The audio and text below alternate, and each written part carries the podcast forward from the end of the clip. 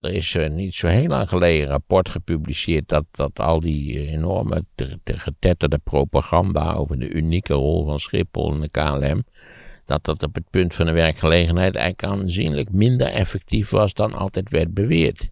Dus daar zou ik nou wel eens een onderzoekje naar willen. Zeker nu we die KLM natuurlijk weer met, miljarden en miljarden niet waar uh, overeind gehouden hebben. Het verlossen, kunt u mij horen? Aan die VOC-tijd wordt toch niet meer uh, met trots teruggedacht? Nou, door mij wel. Ja, maar door heel veel Nederlanders niet. Nee, dat moeten ze zelf weten, omdat ze gevoelig zijn voor die kletskoek van de media. Dus daar moet je niet te veel van aantrekken. Ja, werd, trouwens in de 17e eeuw viel het enorm mee met de slavenhandel. Dat is vooral een 18e eeuws probleem. En wat natuurlijk de, de, de, republiek in de 17e eeuw tot stand heeft gebracht, is, is ronduit indrukwekkend. Dat is, dat is uniek in allerlei opzichten als je denkt hoe klein die bevolking eigenlijk was. Moeten wij nog steeds zeggen gouden eeuw? Ja, wij moeten nog steeds zeggen gouden eeuw, want dat was het in allerlei opzichten. Maar wat hebben ze gedaan dan, wat, wat zo groot was? Schilderkunst, culturele productie, commerciële productie, de eerste beurs ter wereld, uh, NV-constructuur, denk aan de VOC. Het, het, was in allerlei opzichten een wetenschappelijk um, aan, in de voorhoede, in de wereldvoorhoede. Het was in allerlei opzichten een volstrekt uniek mini-staatje eigenlijk. Een, eigenlijk in allerlei opzichten een soort stadstaat. Hè? Amsterdam met wat, met wat, wat satellieten eigenlijk.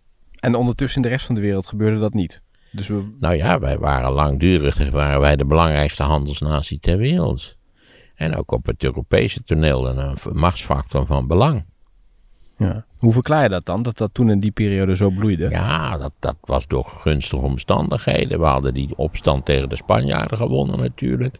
De lokaliteit van Nederland was hartstikke nuttig. Wij liggen net halverwege tussen het Oostzeegebied aan de ene kant en de Mediterranee aan de andere kant. Uh, ik denk ook dat het feit dat we niet meer een, een laten we zeggen, een, een, een absolutistisch bewind hadden, maar dat wij gerund werden door, door uh, op geld beluste middenstanders, om het maar even oneerbiedig te zeggen. Ja, Nederlanders, nou ja, je hebt een boek over de rijkste Amsterdammers in de 17e eeuw, waar een enorm dikke jongen voorop staat. Uh, uh, ja, dat, de, de republiek was uniek. Het is niet anders. Maar dik zijn was toen natuurlijk een uiting van welvaart, hè? Ja, maar hij was wel zo dik dat je het gevoel hebt dat het niet helemaal koosje was. Maar tegelijkertijd had je natuurlijk de, de slaven in die periode. Zeker, ja, had je. Ja. Maar het idee dat de welvaart van de republiek in de 17e eeuw was gegrondvest op de slavenhandel is echt kletskoek. Was, in de 18e eeuw was het wat belangrijker voor het totale bruto product, maar, maar nog steeds niet, niet beslissend of bepalend. Ja. Maar je kunt je ook nog wel herinneren toen Balkenende in de Tweede Kamer dat aanhaalde. Ja, die ja, zegt hij. Nee, ja, ze vielen over hem heen. Ja, was het verstandig onder die omstandigheden? Ik weet het niet. En had dan niet de VOC genoemd, maar er waren allerlei lollige voorbeelden te geven geweest hoor.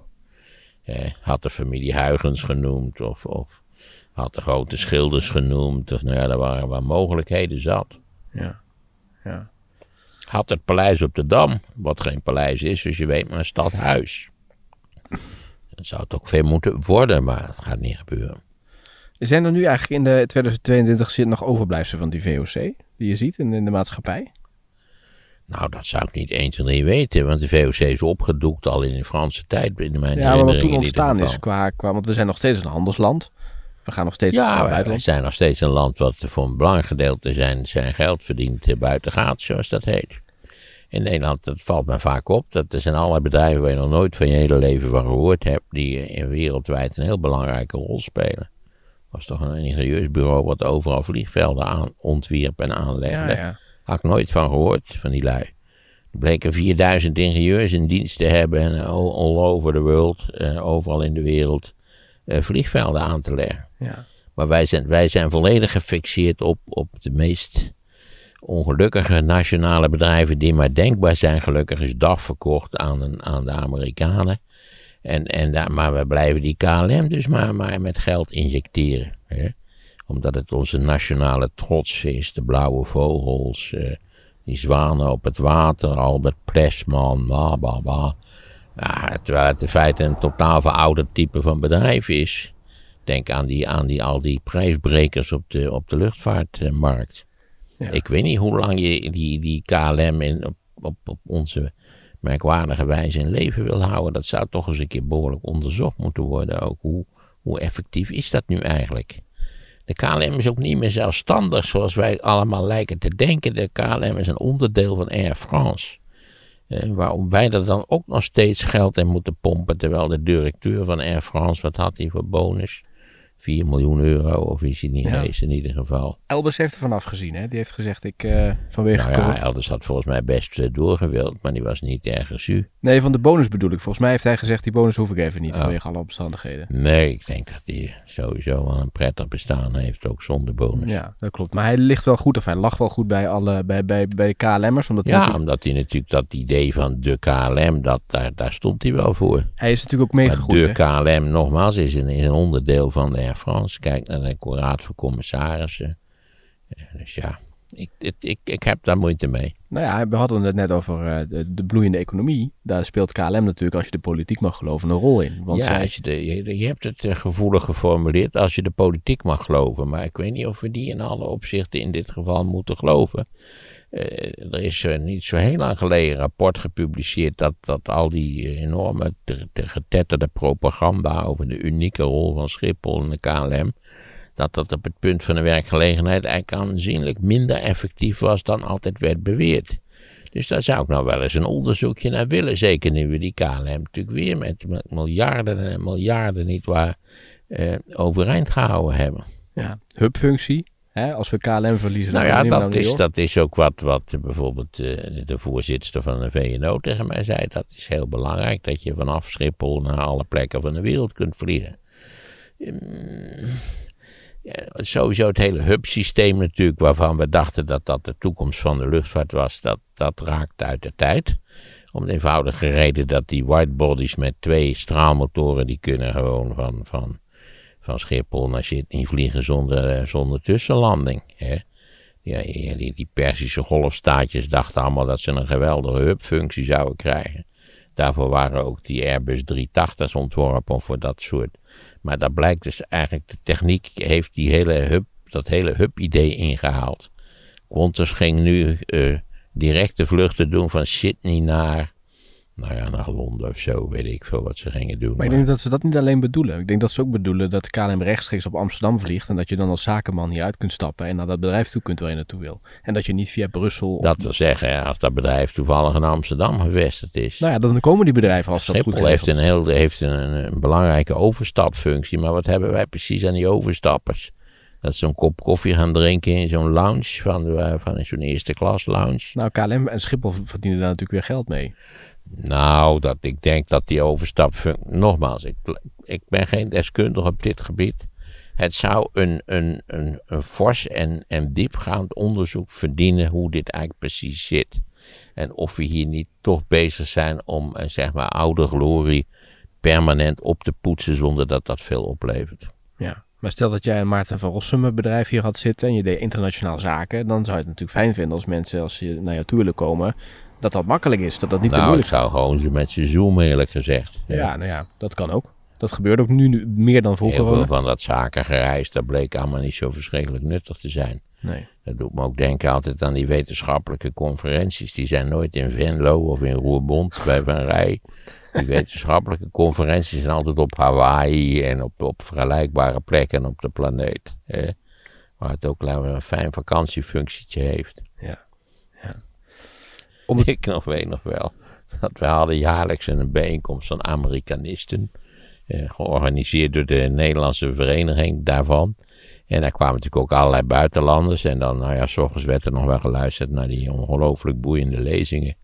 Eh, maar smiddags ging iedereen boodschappen doen in Amsterdam. Amsterdam was wel een trekpleister ook voor internationale gasten, moet ik zeggen. Nu eh, vraag je je eigenlijk af wat de les van corona is. Want heb je, ik weet niet of je de rij hebt gezien op Schiphol. Het staat weer helemaal... eh, ja, er werden 30 vluchten geschrapt, begreep ik, eh, Ja. door de KLM. Maar er is niemand meer... Kennelijk is dat ook mogelijk. Maar die mensen die daar staan hebben allemaal geen vliegschaamte. Zowel toeristen als zakelijk verkeer. Het stapt allemaal weer in het vliegtuig. Ja, kennelijk.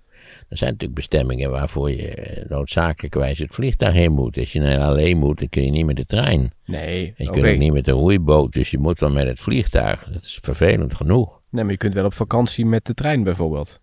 Ja, je zou zeker in Europa kunnen overwegen om, om wat meer met de trein te gaan. We hebben het er wel eens over gehad, volgens mij. Ja. Ik vond bijvoorbeeld met de trein eh, naar, naar Londen honderd keer comfortabeler. Beter voor de geestelijke rust, beter voor de, voor de ziel. Dan dat godvergeten kloten vliegen. Ook al voordat je uren in de rij moest staan. Wat een chaos. Laatst weer naar Rome, wat een troep. Het is verschrikkelijk, werkelijk. Nee. Maar vind je die Nederlanders Ja, niet Rome is hypocriet? natuurlijk ook zoiets. Als je met de trein naar Rome moet, dat is even wat, zeg. Dan ben je dagen onder de pannen. Ja. Ja. Nou goed, dan kun je nog met de auto eventueel doen, als je dat zou Nee, willen. terugvlucht uit Rome ook wel een, het zijn misdadige organisaties, die luchtvaartmaatschappijen. Ja. Jij gaat niet meer vliegen. Nee, ik zal binnenkort waarschijnlijk wel naar Amerika moeten, maar ik vlieg alleen nog maar, zeker op die afstanden, als ik eerste klas kan vliegen. Zo niet, dan gaat voor ons hem niet mee. Oké, en wat ga je daar dan doen? Eh, wat ga ik daar doen? Ik ga daar eh, kijken naar eh, dino-musea en naar dino-opgravingen. Samen met Gijs Rademaker. Dat is rond de, rond de podcast van de dino's. Ja, dat is de, de dino-podcast, is dat zeker. Die is weer begonnen, toch? Begreep ik. Ja, als, ja, ja, dat is allemaal. Ja, ik moet er direct bij zeggen. Ik, ik doe het slap, slappige lul. Maar Gijs die organiseert alles en die maakt er hartstikke mooie podcast van. Ja. Maar dat is wel iets anders dan naar Rome vliegen, Amerika. Ja, dus daar zit je, LA is geloof ik 11 uur als ik, het, als ik het goed heb. Althans, de laatste keer dat ik dat heb gedaan was het 11 uur. Toen heb ik nog vrij ernstig overwogen om de KLM een rechtszaak aan te doen. Vanwege het totale gebrek aan comfort. Een onmogelijkheid om, om naar de wc te gaan. Dan stond je eindeloos in de rij met al die mannen die nodig moesten pissen. Werkelijk, wat een toestanden. Was ik in het geniep, was ik naar de eerste klas wc gegaan. Maar daar hadden ze, een, hadden ze iemand opgesteld. Die, nou ja, daar heb ik het volgens mij ook al eerder over gehad. dus ja, ik ga, doe dat alleen maar eerste klas. Precies, dus dan heel, lig je, simpel, heel simpel ijs. dan lig je onderuit in zo'n zo'n half bed. Nou ja, wat het ook is, ik zit er gewoon in. Ik, bedoel, ik ben er volstrekt niet in staat om, eh, om daar te slapen of zo. Ja, ieder, ik, ik weet nog dat ik door een waanzinnig toeval, ik was met mijn moeder, was ik naar Amerika geweest en wij vlogen weer terug. Gek genoeg vlogen we vanaf Montreal, omdat mijn familie in upstate eh, New York eh, woonde, waar wij op bezoek geweest waren. Dus dan was het korter om, om, en makkelijker om in Montreal weg. En door een of andere wonderlijke gebeurtenis waren wij eh, op, eh, opgewaardeerd, hoe heet dat ook alweer? Upgrade krijg je dan, ja. Upgraded naar, eh, ik geloof, Royal Class. dat was echt een unieke belevenis. Want ja, je kreeg alsmaar caviar en iedereen zei, eh, ja meneer Verrossum, nee meneer Verrossum, enzovoort, enzovoort. En ook tegen mijn, nou, mijn moeder vond het prachtig, dat begrijp je wel. Maar tot mijn verbazing, dat was er ongelooflijk duur. Wij hadden wel eh, eerste klas, maar niet royal class. Het was ook bovenin die neus van die, van die 747.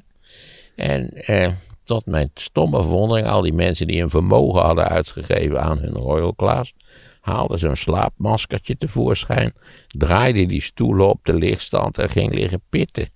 Ik denk, ik ga hier geweldig zitten genieten van de, van de kaviaar. Dat, ik vond het wel een belevenis in allerlei opzichten. Maar vliegen is onder normale omstandigheden, voor al die sukkels die je daar er in de rij ziet staan. ja, waar gaan ze dan naartoe? Naar Antalya, of allerlei gruwelijke plaatsen aan de Mediterranee waar je niet doodgevonden wil worden.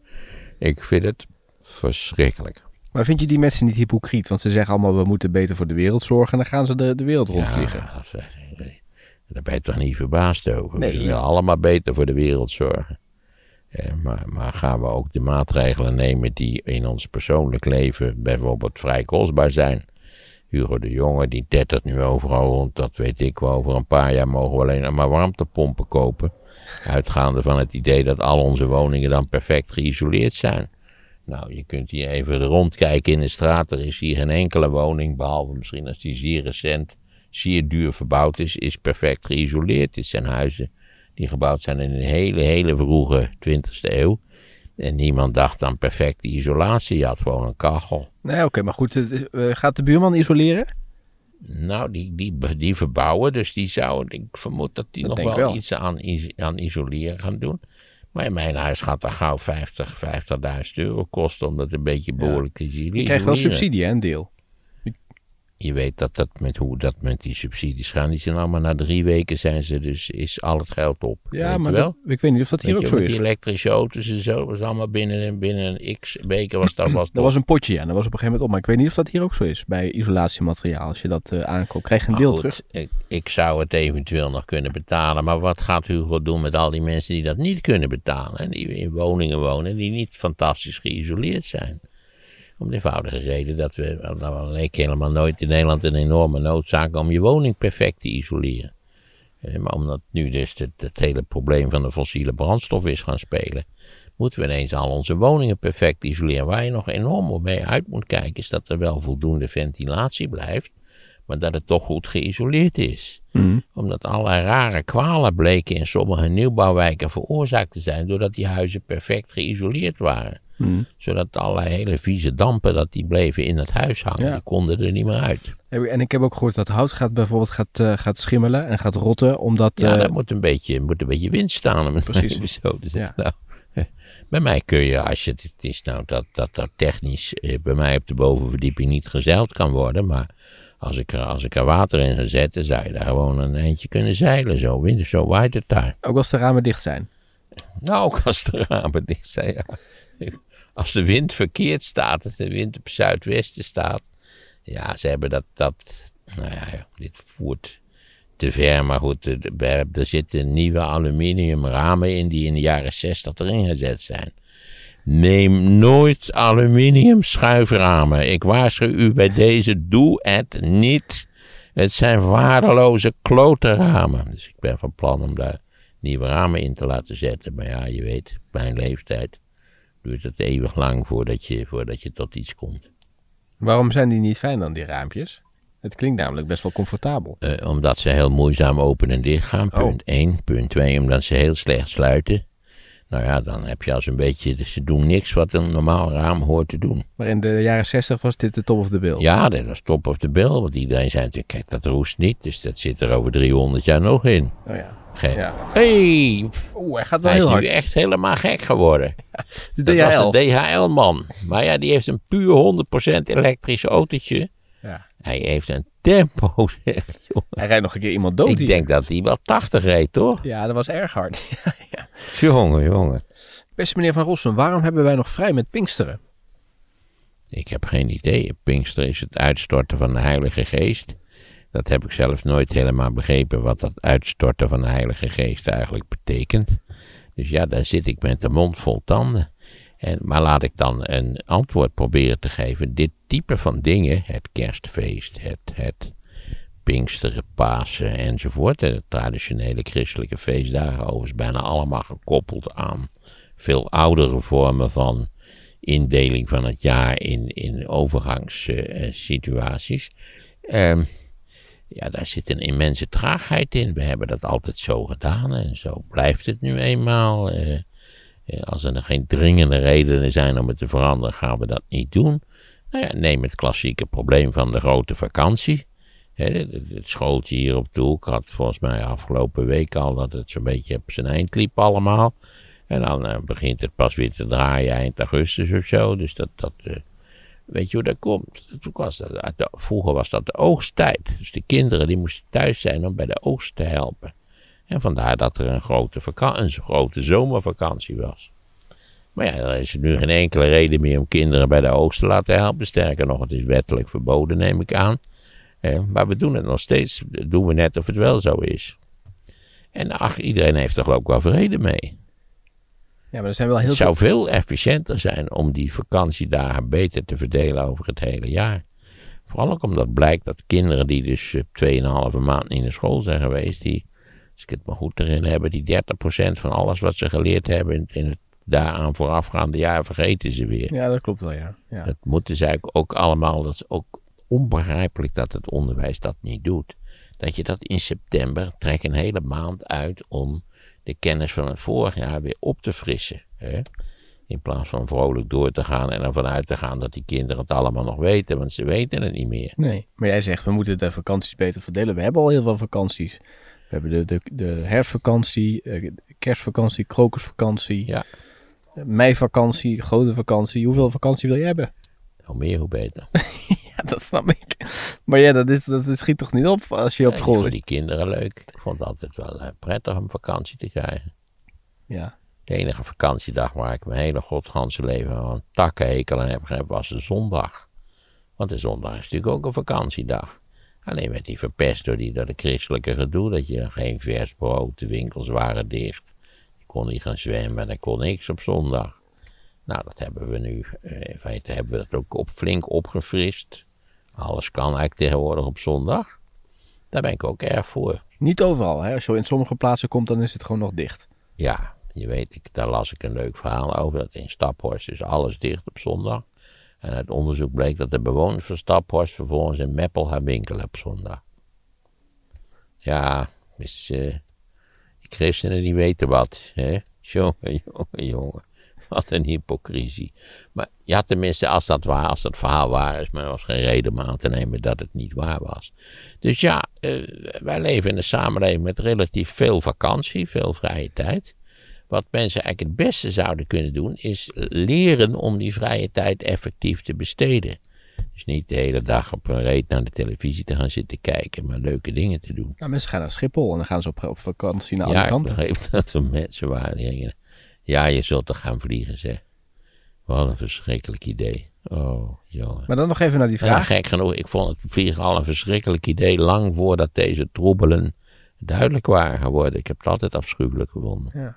Nog even terug naar de vraag waarom hebben we nou vrij met Pinksteren? Want het zijn allemaal, nu, we hebben heel veel vrije Omdat we traditioneel vrij hadden met Pinksteren, omdat volgens de christenen de Pinksterdagen eh, het moment waren waarop de Heilige Geest was uitgestort. Nogmaals, ik weet niet hoe dat precies in Nee. zijn werk is gegaan. Of dat uit flessen ging, of dat er een soort brandslang bij gebruikt werd. Ik heb eigenlijk geen flauw idee.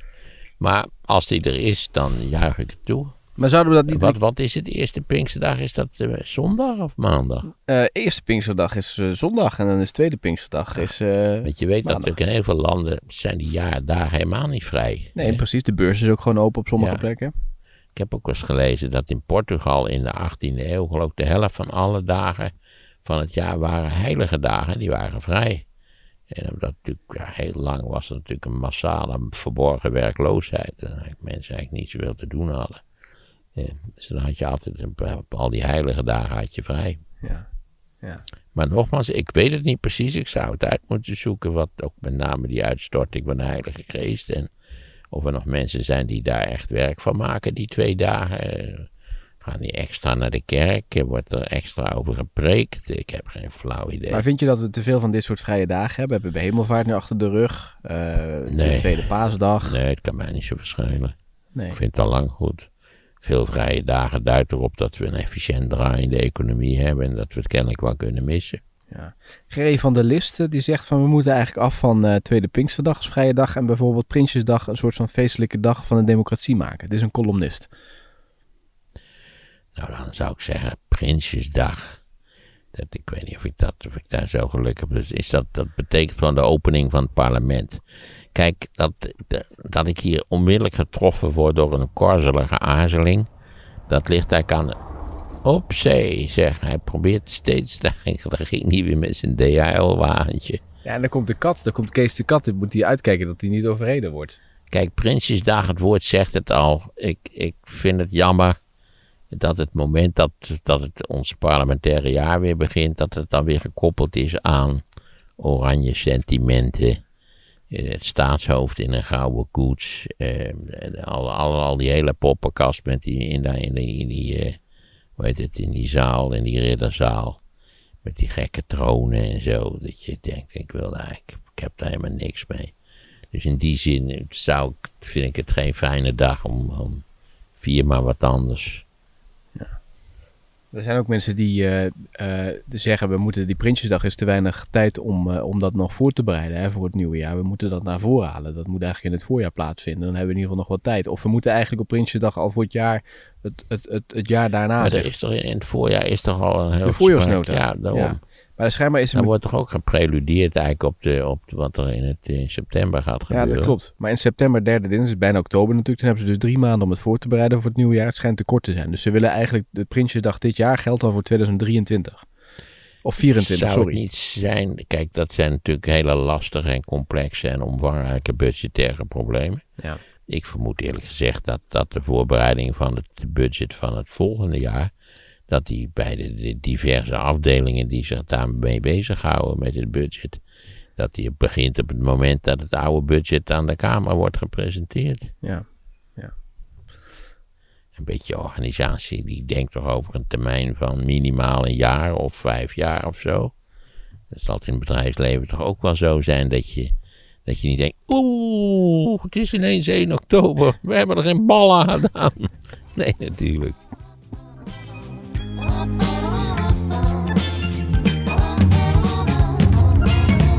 Hij is nu echt helemaal gek geworden. Maarten van Rossum over Hitler. Er zijn maar heel weinig mensen die zo oud worden. En Hitler is helemaal niet erg oud geworden, want Hitler is natuurlijk uiteindelijk maar 56 geworden. Hij zelf was er ook van overtuigd dat hij niet oud zou worden. En we kunnen niet anders zeggen dan op dit punt eh, bleek hij het gelijk volledig aan zijn kant te hebben. Een nieuw luisterboek, nu via de link in de beschrijving bij deze podcast.